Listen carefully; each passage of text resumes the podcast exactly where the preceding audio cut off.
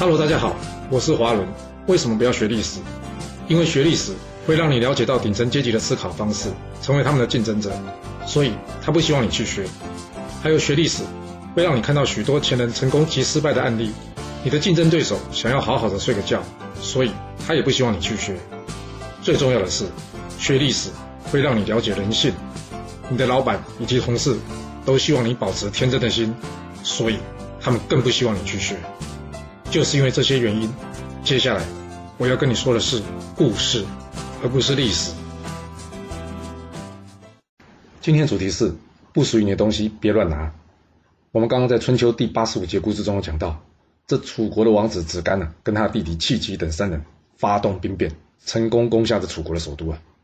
而这身为弟弟的戚吉呢，也非常够意思，将这楚王的宝座让给他。那要是你是子干，你会接受吗？让我们重新还原一下现场吧，试着帮子干做一下这判断。第一，这军队的军权掌握在谁手上？答案是契吉。那既然是契吉掌握军权，他有没有可能会叛变，把我给推翻呢？那当然有可能了。他现在不就正在推翻他们的老哥楚灵王吗？那接下来啊，子干对契吉有没有什么恩惠，让契吉一定不会造反呢？这故事没说。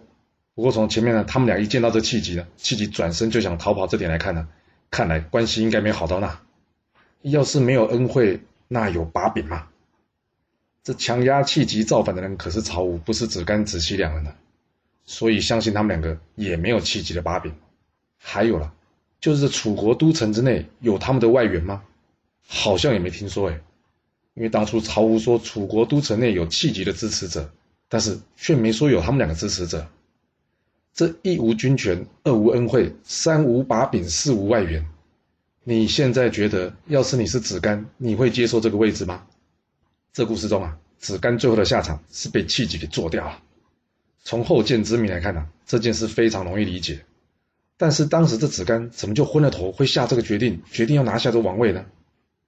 因为啊，权力跟名声啊，就像是被施了魔法的药，一旦你碰上它，就很难不受影响。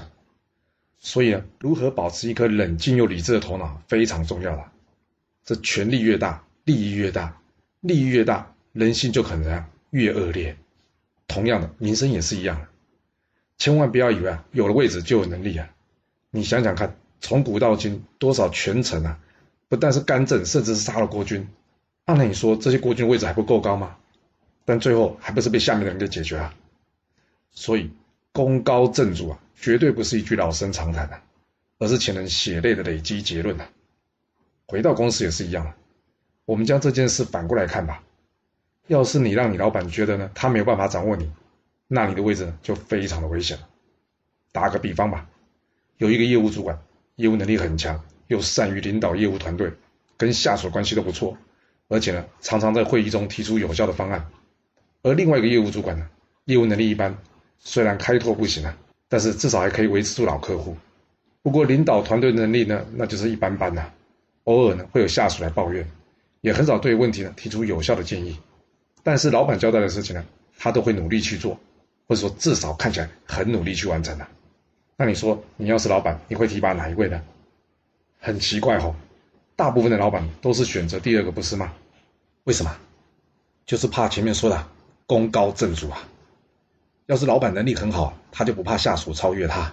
但是老板毕竟是人呐，不可能样样都行啊，所以难免呢，对无法掌握的人啊，就会产生疑虑，甚至是恐惧。简单来说吧，要是上面这个优秀的主管带着一堆人跳槽，那对老板会造成多大实质上的打击啊？既然会造成很大的打击，那可以重用他吗？当然不行啊。所以呢，要是你是第一类的人呐，遇到老板能力不如你的时候啊，一定要注意一件事。那就是要让老板知道他要如何管理你啊。比方说呢，对于业绩奖金呢，你非常在乎，总是把钱放在嘴巴上，甚至呢表现出是怎么样，只想安稳混口饭吃，不想要功成名就。这人呐，有的人要钱，有的人要名啊。要钱的野心比较小，要名的野心比较大。那野心大的呢，老板通常会比较怕。那另外呢，可以的话呢，偶尔出一些烂点子，让人家嘲笑你。就是我们之前说的，大错不犯，小事不断啊，这样都不行，那你只好展现实力，让老板知道他没有办法没有你啊。其实这做法有很多种，但是关键是什么？就是你得把向上管理啊当做是一件事情啊。